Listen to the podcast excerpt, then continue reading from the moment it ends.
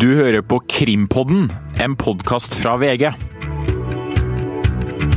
Femte uka av ankesaken mot Eirik Jensen er over, og nå har det blitt litt mer temperatur i rettssalen. Endelig, vil kanskje noen eh, si. Astrid Mæland og Kari Spets, hvordan har dere merka at stemninga nå har endra seg? Ja, det er protester fra aktoratet, fra Forsvaret, det er dommeren som griper inn, det er masse adrenalin. Eh, forsvarer Elden snakka så fort at jeg vet ikke om eh, halvparten av eh, rettssalen forstår hva han sier. Ehm, det er Cappelen som av og til er frustrert i vitneboksen. Det er reaksjoner på at Jensen har flira av han. Og det er dommeren som griper inn og sier at nå får ikke dere snakke sammen, du skal svare på spørsmålet. Kari, hvordan er kroppsspråket? Hvordan merker du det på det du ser i rettssalen? Um, altså Jensen sitter jo Eller han gjorde i alle fall det, kanskje helt til han fikk litt påpakning, men han satt jo han jo flira mye og rista på hodet, og det var jo det Cappelen påpekte, at nå Han sa jo riktignok nå sitter han og offer og akker seg foran meg der, for det uh, Og det var da dommeren brøyt inn og sa at dere får ikke snakke sammen, og Jensen sa jeg gjør ikke det, og så ja, ble det litt sånn rar stemning. Men det som var litt spesielt under den seansen, var jo at det var da Cappelens egen forsvarer, Benedicte Wibe, spurte ut Cappelen sjøl. Og Benedicte Wibe satt da altså rett bak Eirik Jensen, sånn at uh, forsvarer og klient måtte på en måte bøye seg uh, framover. Ja, det må være for å, ja, for å da kommunisere, mens uh, da mannen som Cappelen har tatt med seg i fallet, satt mellom dem.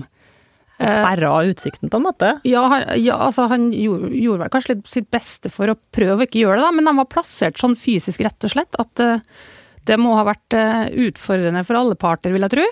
Hvor er det Eirik Jensen sitter og ser da, når, når Cappelen ser nærmest over han for å se på sin egen advokat? Nei, jeg må si at uh, blikket var ganske mye senket, ja. Men så var det jo den den lille episoden hvor eh, jeg i alle fall så at eh, han smila, og han hadde åpen munn, men om, om det kom noe latter, det var ikke jeg i posisjon til å høre. Men det var i alle fall da Cappelen mente at han offa akka seg. Han har jo sagt tidligere 'ikke le', det er ikke lov å le, Eirik. Ja, og dommeren eh, har jo grepet inn en, ja, fire ganger eller noe sånt når de har da kommunisert med hverandre, for det er ikke lov, da.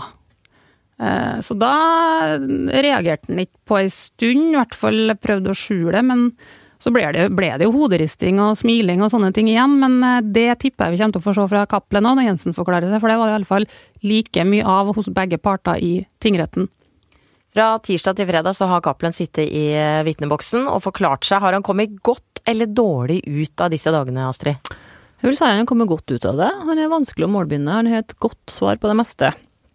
Uh, og forsvarerne har virkelig prøvd. Det er tre, tre forsvarere uh, som har prøvd fra alle mulige retninger å gå til angrep.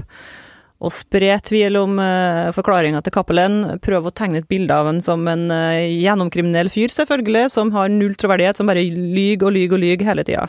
De har jo for så vidt et uh, godt utgangspunkt der, for han har, han har virkelig vært superkriminell og, og jugd en hel masse. Men han har jo ganske gode svar på det meste, og så syns jeg på en måte at det, mm, Jeg tenker at juryen sikkert har litt sympati òg med en fyr som ikke vil snakke av og til når han sier at han ikke vil snakke. For da handler det nemlig om at han ikke tør pga. sikkerhet, eller at han ikke vil eh, tyste på andre. Og ingen liker jo en tyster, sjøl om han er kriminell. Mm. Det er ikke lov å filme Cappelen når han snakker, men, men, dere sitter jo i rettssalen rett bak han. Forklar litt, eh, Kari. Hvordan er det Cappelen sitter? Hvordan er det han forholder seg når han forklarer seg? Da Elden eh, spurte han ut, og det jo gikk ganske fort i svingene, eh, da var han ganske hissig, fikk jeg inntrykk av. Han ble sur, muggen kan jeg si at Elden kanskje også ble litt muggen. Det var i hvert fall veldig dårlig stemning. Um, men eh, så, etter at de andre forsvarerne, altså Thomas Randby og Sissel Katralen, har begynt å spørre han ut, altså forsvarerne til Jensen, så har han virka utrolig sånn rolig. Uh, ser ikke stressa ut hvis man liksom leser kroppsspråk og sånn klassiske kroppsspråktegn. Uh, han, han sitter ikke og fikler med noen ting. altså født føttene er i ro. Eh, samtidig så er jo det her, eh, som han sier sjøl, en mann som eh, lyver hvis han må. Så det å nødvendigvis legge så mye i Cappelen sitt kroppsspråk, tror jeg likevel man Ja, man skal ikke konkludere på det, da, hvordan han egentlig har det. Men han, han, fremstår som en er egentlig litt lei, men ikke spesielt stressa. Sjølsikker, vil jeg si, ganske mange ganger, og til dels tar han knekken på forsvareren. Uh, av og til så prøver han å lure han ut på, på, et eller annet, og da kommer han med belæring tilbake, akkurat som han er en liten dosent eller en lærer som sitter i vitneboksen der og forklarer forsvareren hvordan det funka i fengsel, hvordan brev og besøksforbud egentlig funka, og, og sånn eh, retta opp uh, i spørsmålsstillingene deres og sånn, og da er han ovenpå, da ser jeg at han, han er lite stressa. Men, eh, men, det skal sies at i begynnelsen av uka særlig, så fikk, eh, sånn som Kari sier, fikk Elden uh, lurt den utpå og fikk gjort den litt uh, sur og sånn, og da han virka som han gikk litt i forsvarsposisjon, og da virka det litt mer uh, skyldig med en gang. Det var snakk om feilopplysninger han gitt om, om, kvantum på hasjtransporter og dato for hasjtransporter, og, og det var litt rart det heller, fordi at det var snakk om en hasjtransport som var rett før han ble pågrepet i desember 2013, og så huska han den. Han sa at den var i desember, og så viste den seg å være i oktober. Og det var litt rart. Så der fikk eh, Ellen inn et poeng. Elden eh, stiller mange spørsmål, eh, har blitt eh, fått påpakning for å snakke for fort. Eh, hvordan er det å følge med på eh, når, Jensen, nei, når Elden snakker? Jeg fulgte jo hele saken i fjor, og har jo vært der stort sett hver dag i år òg, og kan jo saken ganske godt. Men det er ikke lett å følge med når eh, Elden snakker og stiller spørsmål. Det går veldig fort, og det går nesten fortere og fortere. Han har jo fått noen gule lapper foran seg som det står 'sakte' på, og 'ta det langsommere'. Uh, uten at det hjelper nevneverdig. Det er jo derfor dommeren bryter inn. og Problemet her er jo at uh, juryen må jo forstå hva som foregår, hva som kommer fram, hva Elden spør om, hva Cappelen svarer. Og offentligheten eh, bør jo også få med seg det her eh, via pressen, da. Og det, vi gjør jo så godt vi kan, men det går fort, altså. Og det er ikke liksom bare det at det går så fort alltid, eller, men at det er uklart hva han skal hen, og hva han vil med argumentet sitt. Eller spørsmåla, da. Eh, han har jo fått påpakning flere ganger fra dommeren om å drive med argumentering og prosedering. Han skal jo egentlig bare stille spørsmål til Cappelen, ikke sant, men de eh, forsvarerne er jo dyktige til å, å snike inn prosedering hele veien, der det kommer fram hva slags teorier de har. Men det er ikke alltid det er så klart hva de egentlig vil. Mm. Altså, selv om vi hører det han sier, på en måte, men hva er liksom logikken her? Og det tror jeg juryen eh, sitter igjen Jeg tror det er noen spørsmålstegn der nå etter når saken er ferdig, når man går og tenker på det i høstferien, hva de egentlig mente med ditt og datt. Um, det er ikke bare at det går fort, men at det er liksom uh, Ja navn som vi ikke har hørt før, og det er hendelser som juryen helt sikkert ikke har hørt før, så de liksom legger til grunn at vi, vi kjenner til det. Onsdag var det mye opplesning fra Jensens side, eller um, Elden sin side. Opplesning av hva som har vært sagt i avhør, både med Asker Bærum og Spesialenheten. Og så ble han da konfrontert med hva, er svaret ditt på disse spørsmålene nå? Hva vil Elden med det? Ja, det er jo det å vise Hva de kaller det igjen? Eh, misforhold, det er ikke det de kaller det. De kaller, altså det er det å vise at han har forklart seg på en måte i 2013 eller 2014 eh, eller eh, åra som er før, og at den forklares på en annen måte nå. Noen av de uh, tinga er jo småting, syns jeg. Eh, som nevnt før, at han har blanda datoer på hasjtransporter, at ikke husker Han har kanskje oppi hatt to hvite telefoner, og nå mener han at han har hatt én, eller altså, sånne ting som jeg syns egentlig Eh, ganske forståelig at den har blanda sammen og ikke huska. Det er gått mange år, og det er utrolig mange detaljer. Mens til sammen da her, så skal det her vise at han er Forsvaret skal vise frem at han bare ljuger eh, når det passer han, og ikke, at det ikke stemmer det som er oppgitt, osv. Så. Eh, så det er jo det å finne dem De har jo antageligvis sittet i eh, månedsvis og lest gamle avhør og gamle Og det han sa i tingretten, for å finne det minste og det største som er liksom forskjellig, da. Advokat eh, Rambe i Team Jensen snakker om at eh, Cappelen har en coverhistorie. Eh, hva mener de med det? Det var mye, mye, snakk om det i dag, fredag. Um, Randby stilte stadig spørsmål til Cappelen om hvilken coverhistorie han hadde på lager, i tilfelle kriminelle skulle ta ham på fersken som tyster for politiet. Eh, Cappelen svarte egentlig som han gjorde også dagen før, at eh, nei, han nekta. Det hadde han gjort ved et par tilfeller, senest i 2013. Han hadde bare nekta, og det hadde nå gått greit, sa Cappelen. Jeg har nå holdt på i 20 år, så, sa han, så nektinga har tydeligvis funka. Eh, og så fortsetter Randby på det sporet her, og eh, vil at Cappelen skal fortelle hvilken coverhistorie han har planlagt, da. Men så sier Cappelen gang på gang at jeg har ikke planlagt noe coverhistorie. Og da begynner Randby å eh, forholde han hypoteser. Ok, men hvis en venn hadde sagt til deg at han hadde en var en tyster hva, hva ville du ha gitt han råd om? Og da sa vel Cappelen at jeg kan ikke svare på sånne hypoteser, og da brøt jo dommer Heierdal inn og sa at, at uh, hypoteser ja, hva, hva Forutsetningen er feil, altså du kan ikke ja. legge det som en forutsetning at han har en coverhistorie, når han har benekta å ha hatt en coverhistorie. Altså Cappelen benekter at han har hatt en coverhistorie. Ja, og han sa vel at blir man tatt så, av andre kriminelle, og de har avslørt at du er en tyster, så er det jo ikke noe vits med noe coverhistorie uansett. Mm. Jensen har tidligere snakka om trusselbildet rundt eh, Gjermund Cappelen. Hva er det Jensen mener er beskrivelsen her? Uh, Team Jensen er opptatt av å vise frem at Cappelen har blitt trua av forskjellige mafiabosser eller kriminelle, ja, alt mulig. Jeg er litt usikker på hva som er poenget, men det må vel kanskje være å, vise frem at kommunikasjonen mellom Jensen og Cappelen dreide seg om at Jensen tok vare på sikkerheten, kanskje, til, eller ja, til Cappelen. For han jo, har jo sagt tidligere i hvert fall at han var bekymra for velferden hans, og at, eh, at, politiet generelt har ansvaret for sikkerheten til informanter. De kan ikke bare la dem eh, bli, gå for lut og kaldt vann når de først har tatt dem inn på en sånn risky arbeid som informasjon, altså tysting er, da. Det er jo stor fare for at de kan bli, eh, få problemer med andre kriminelle hvis det avsløres, selvfølgelig. Ja, Er det det truslene dreide seg om, eller var det narkogjeld? Nei, det var um, Kaplen hadde jo et uh, snuseselskap, um, Pure Nordic, som gikk konkurs. Og investorene der var vel, kom vel fram i retten at de um, kom vel fra ulike kriminelle miljø, uh, og fikk ikke igjen pengene sine etter konkursen. Og da sier Cappelen i retten at han fikk en veldig ubehagelig truende telefon i 2012 Eh, men at det ikke har vært noen andre trusler rundt den konkursen. og eh, Sjøl om ikke alle pengene er betalt tilbake, nei, så nekter han for at det har vært noe trusselscenario, da. Mens um, Jensen sier vel at det var ganske mye trusler rundt det her også i 2013, altså tida før pågripelsen.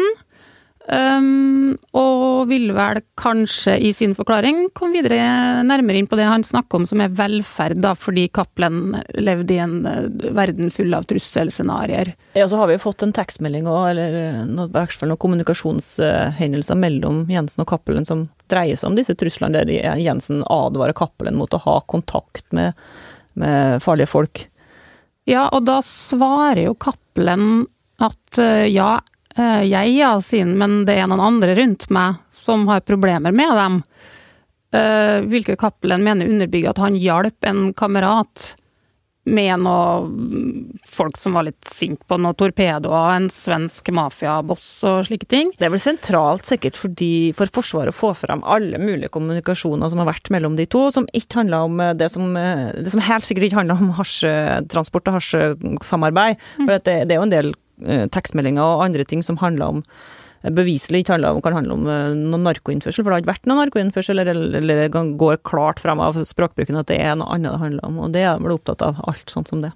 Ja, holde seg unna de folkene, det har vel Cappelen, verken Cappelen eller Jensen sagt at det handler om hasj, så det er jo annen kommunikasjon òg. Mm. Så sier jo Cappelen at ja vel, hva så om jeg har blitt trua eller har fått trusler? Det utelukker ikke at Jensen har vært en korrupt politimann. Har han et, et poeng med det? Ja, det er klart han har et poeng med det det har han. Eh, men det er jo liksom eh, troverdigheten til de to det handler om her, da. Kan juryen tro på mest? For den ene parten sier jo at alt handler, nesten alt handler om hasjvirksomheten, og den andre parten sier at eh, nesten alt handler om informasjonsvirksomheten, altså at Cappelen tysta til var politikilden til Jensen.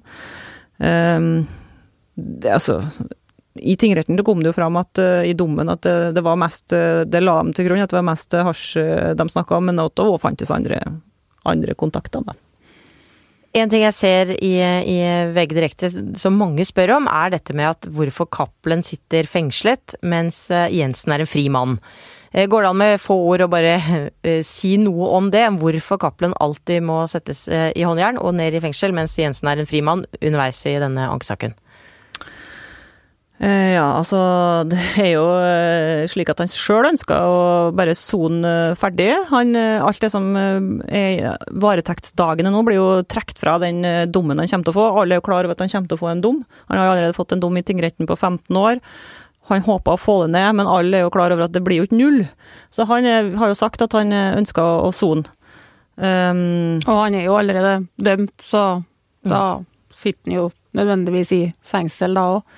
Ja, og så kan du jo si at uh, han har jo anka, men altså, det er jo ikke noe snakk om at han kan Han har ikke anka, han har anka bare altså uh, Straffutmålinga. Ja. ja. Så det ja. blir ikke noe sånn uskyldig skyldig. Og så Jensen er jo da uskyldig inntil det motsatte er bevist. Um, så var det jo sånn i, i, i saken til Cappelen sin liga òg, det var litt rart. De var jo nede i Borgarting lagmannsrett og gikk i ankesaken, de her eh, som han samarbeider med i kartellet sitt.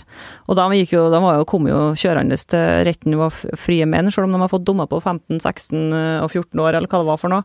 Og gikk ut i lunsjen og tok seg en øl. Eh, så, eh, og så ble de dømt, og så, og, så, og så, ble de pågrepet etter hvert og havna i fengsel. Men det er jo noe med at det er soningskø i Norge òg, ikke sant. Og men en ting jeg stussa over, det kom fram på torsdag, det var at Cappelen forteller i retten han har vært hjemme hos kone og barn på et tidspunkt etter han ble pågrepet i desember 2013. Han var da hjemme hos kona, ringte flere av vitnene i denne saken. Hvordan henger det sammen da? Nei, det det der overraska egentlig meg òg litt, at han hadde lov til å være hjemme. Men som han sa, han hadde ikke noen restriksjoner på hvem han skulle ringe til da og sånne ting. Um, vet du noe om det, Astrid? Nei, jeg tenkte at det var rart, ja. Men han har vel kanskje permisjon da? Eh, ja. Å få lov til å være sammen med ungene sine, det vet jeg ikke. Men eh, det at han har ringt, det var jo litt artig. For det, og, um, han ringte ett uh, vitne som skal komme senere i, i, retten, og det er jo litt uvanlig å drive og ringe vitne. Det kan jo føre til mistanke om vitnepåvirkning. Og Forsvarets sitt poeng var jo at uh, han har kun ringt når han var hjemme. for hvis han ringer fra Cappelen sa ja, men jeg kan godt ringe fra fengselet, så sa de at ja, men da blir vel den uh, telefonsamtalen overvåka. Det måtte han medgi. Så uh, har det vært tidligere saker òg der Cappelen har innrømt vitnepåvirkning, altså i helt andre saker, når, men når han var aktiv narkosmugler. Så det her er jo Forsvaret opptatt av å tegne et bilde av en gjennområtten fyr som til og med driver og påvirker vitne. Ja, for han fikk, det var i 2002, hvor, hvor Cappelen fikk tre vitner til å vitne falsk i en, en eh, trafikksak. Eh, hvor han da innrømma dette i retten. Er det uheldig for Cappelen at han har tatt kontakt med vitnene i denne saken? Ja, han prøvde å forklare det med at de var omgangsvenner, at eh, kona hans var venn med den familien òg, som de har ringt til, så det var helt uvanlig å ringe til dem. Feira jul sammen og alt mulig, sa Cappelen. Eh, men eh, det er jo litt uheldig, og det, du skal ikke drive og ringe til vitner i rettssaken din. Og så er det jo litt spesielt at en ringer når en er hjemme, selvfølgelig. Um, så det er jo ikke noe heldig for Cappelen, det, nei. Så er det en ting som man kom så vidt innpå tidligere, dette med at eh, mener at Jensen har misbrukt en mann i politiet. Eh, Veit vi noe mer her? Har det kommet fram noe mer, eller det, ble det bare hengende i lufta, dette her? Jeg mener at eh, Altså, det var jo snakk om det her i tingretten også. Um, jeg, jeg, tror at Cappelen uh, sier at han uh, da, i alle fall, uh, hadde en mistanke om at Jensen brukt en, en, kollega som da ikke var klar over hva Jensen brukte den til, som altså ifølge Cappelen er da den her. Men det, usikker på om det kom fram noe mer om det denne uka her, enn bare at det ble hengende litt i lufta, og han skal muligens inn og vitne. Så da får man kanskje høre mer om det, da.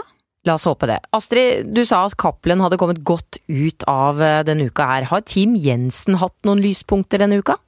Ja, nå fikk jo Jensen Forsvaret til å forklare den store teorien her da, den siste dagen, som er helt nytt, og som vi ikke har hørt om i tingretten, og det er at uh, Forsvaret mener at eh, hele saken handler om en konspirasjon, på en måte, der Cappelen og politiet, så vidt jeg forstår, har gått sammen for å ta rotta på Jensen, som de, folk i politiet har mislikt i 20 år. Det er liksom én teori som de begynte å snakke om, og så nummer to så er jo den her coverhistorieteorien, da, som Kari var inne på. De snakka mye om den i dag òg. Ehm, at kapperen altså da har hatt en historie og tatt vare på bevis, bevis mot Jensen gjennom mange år, bare for å ha noe på den sikre siden hvis han noen gang skal komme i trøbbel.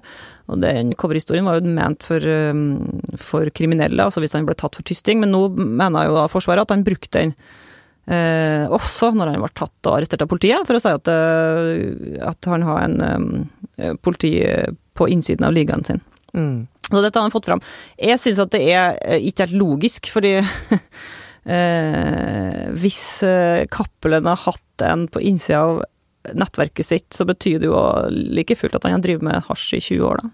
Altså vært superkriminell, så det er vanskelig å komme seg ut av posisjonen, sjøl om man kan bruke coverhistorien. Så var det mye spørsmål om gjeld. Eh, sa først at han hadde 20 millioner i gjeld da han ble pågrepet. Eh, har dere fått noe klarere bilde av det nå etter denne uka her? Han har kanskje ikke vært så god på det, Cappelen, kanskje vi kan si det. Poenget til Forsvaret er å vise at eh, han eh, For han lånte jo, han har jo forklart det, Jensen, at eh, den pengeoverleveringa som vi skal komme inn på senere, som er et bilde av at at eh, Jensen har en, fått en konvolutt av Cappelen etter å ha vært i bilen sammen, og det senere ble vist seg å være 34 000, eller hva det Det mener Jensen er et lån. Han lånte penger til Cappelen som var blakk. Så Derfor er forsvaret til Jensen så opptatt av å vise at Cappelen har pengeproblemer, at han måtte låne de pengene fra Jensen. Det dreide seg ikke om noen narkobetaling. Uh, og de har jo fått vist det i uh, denne uka her, at han har hatt uh, problemer. I 2012 f.eks. Måtte han låne penger, og det han forklarer det med, at han har masse svarte penger, men han har ikke hvite penger. Han trenger likvide midler, kan han kalte det, altså hvitvaska penger, for han har så det har han vel innrømt og tatt opp flere lån, tror jeg, i nyere tid. Og det med narkogjelda på 20 millioner, den forklarte han godt, for det var bare det at, at den siste leveransen Store pengene snakk om her, mange kilo hasj, ikke sant, den var ikke tilbakebetalt, for den ble jo tatt. Så da har han den gjelda, mm, og den har han vel fortsatt. Ja, det er det han har, og i lukka rett så har det vel vært snakk om en del eh, situasjoner rundt denne gjelden han har, vil jeg anta. Eh, trusler osv. som kan ha kommet da i forbindelse med narkogjeld. Mye får jo vi aldri vite, for det går bak eh, lukka dører. Noe skal også bak lukka dører i dag, fredag. Eh, men framover eh, vil det være, vil være mer åpenrett, er det riktig å forstå? Nei, det, det, er vanskelig å si det alt. Så jeg vil jo tro at Jensen sikkert Han har jo sagt at han skal Det er jo han som skal i retten etter høstferien, da. Han har jo sagt at han skal fortelle alt, og skal, alle skal ofres og sånn. Og hvis det Da må det vel kanskje bli lukka rett da òg. Vet ikke. Har ikke vært så mye lukka rett den uka her. Vi har fått Det er bare på slutten på fredag her nå, så skal det være litt lukka rett. Men men uh, vi har fått hørt mye om eh, samarbeidspartnere og mafioser og torpedoer og alt mulig som har vært i åpen rett. Um. Jeg antar jo at Jensen også skal inn på en del av de samme navn og temaer som Cappelen snakker om, så da vil nok eh, retten lukkes. Det gjorde de også i tingretten. Um, hva som skjer der, får jo som sagt vi ikke vite, men i dommen sto det i alle fall at uh, Ingenting av det som kom fram i lukka rett eh, hadde noe betydning for skyldspørsmålet. Men det var jo den eh, Altså, det var jo dommer Heger og co. sin avgjørelse da, så får vi se om eh, juryen ser annerledes på det. Mm. Eh, nå tar retten høstferie. Det er en uke rett og slett fri fra denne rettssaken. Anbefaler du noen gode bøker til de som ikke kan få nok, f.eks., av denne saken mellom politimannen og hasjbaronen? Jeg, vil jo, jeg har jo lest Eirik Jensen sin egen bok eh, om det her, og den eh, er jo interessant. Cappelen fortalte i Rytten i dag at han òg har lest deler av den. Det ble, det ble et tema.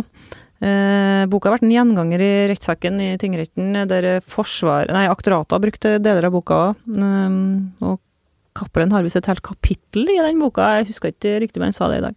Anonymisert, men Han heter eh, Peter eller noe sånt, jeg kjente på. Ja, han er i hvert fall anonymisert, ja halvveis. Så den må folk lese hvis de er opptatt av saken. Og så er det jo veldig morsom, den NRK-podkasten fra i fjor som heter Purk eller skurk. Um, og så har jo Eirik Jensen gitt ut to krimromaner. De har ikke jeg lest. Nei, ikke jeg heller. Jeg så den siste fikk terningkast to i VG. Det var Eh, han mente vel at uh, nå var det um, nok bøker om, med og av Eirik Jensen, så det spørs om folk er lei av Men svært godt, da, det, det vi skriver òg, da, kanskje. Det kan være. La oss eh, se om vi kan finne noe annet godt eh, lesestoff i høstferien, og så høres vi tilbake om ca. en uke.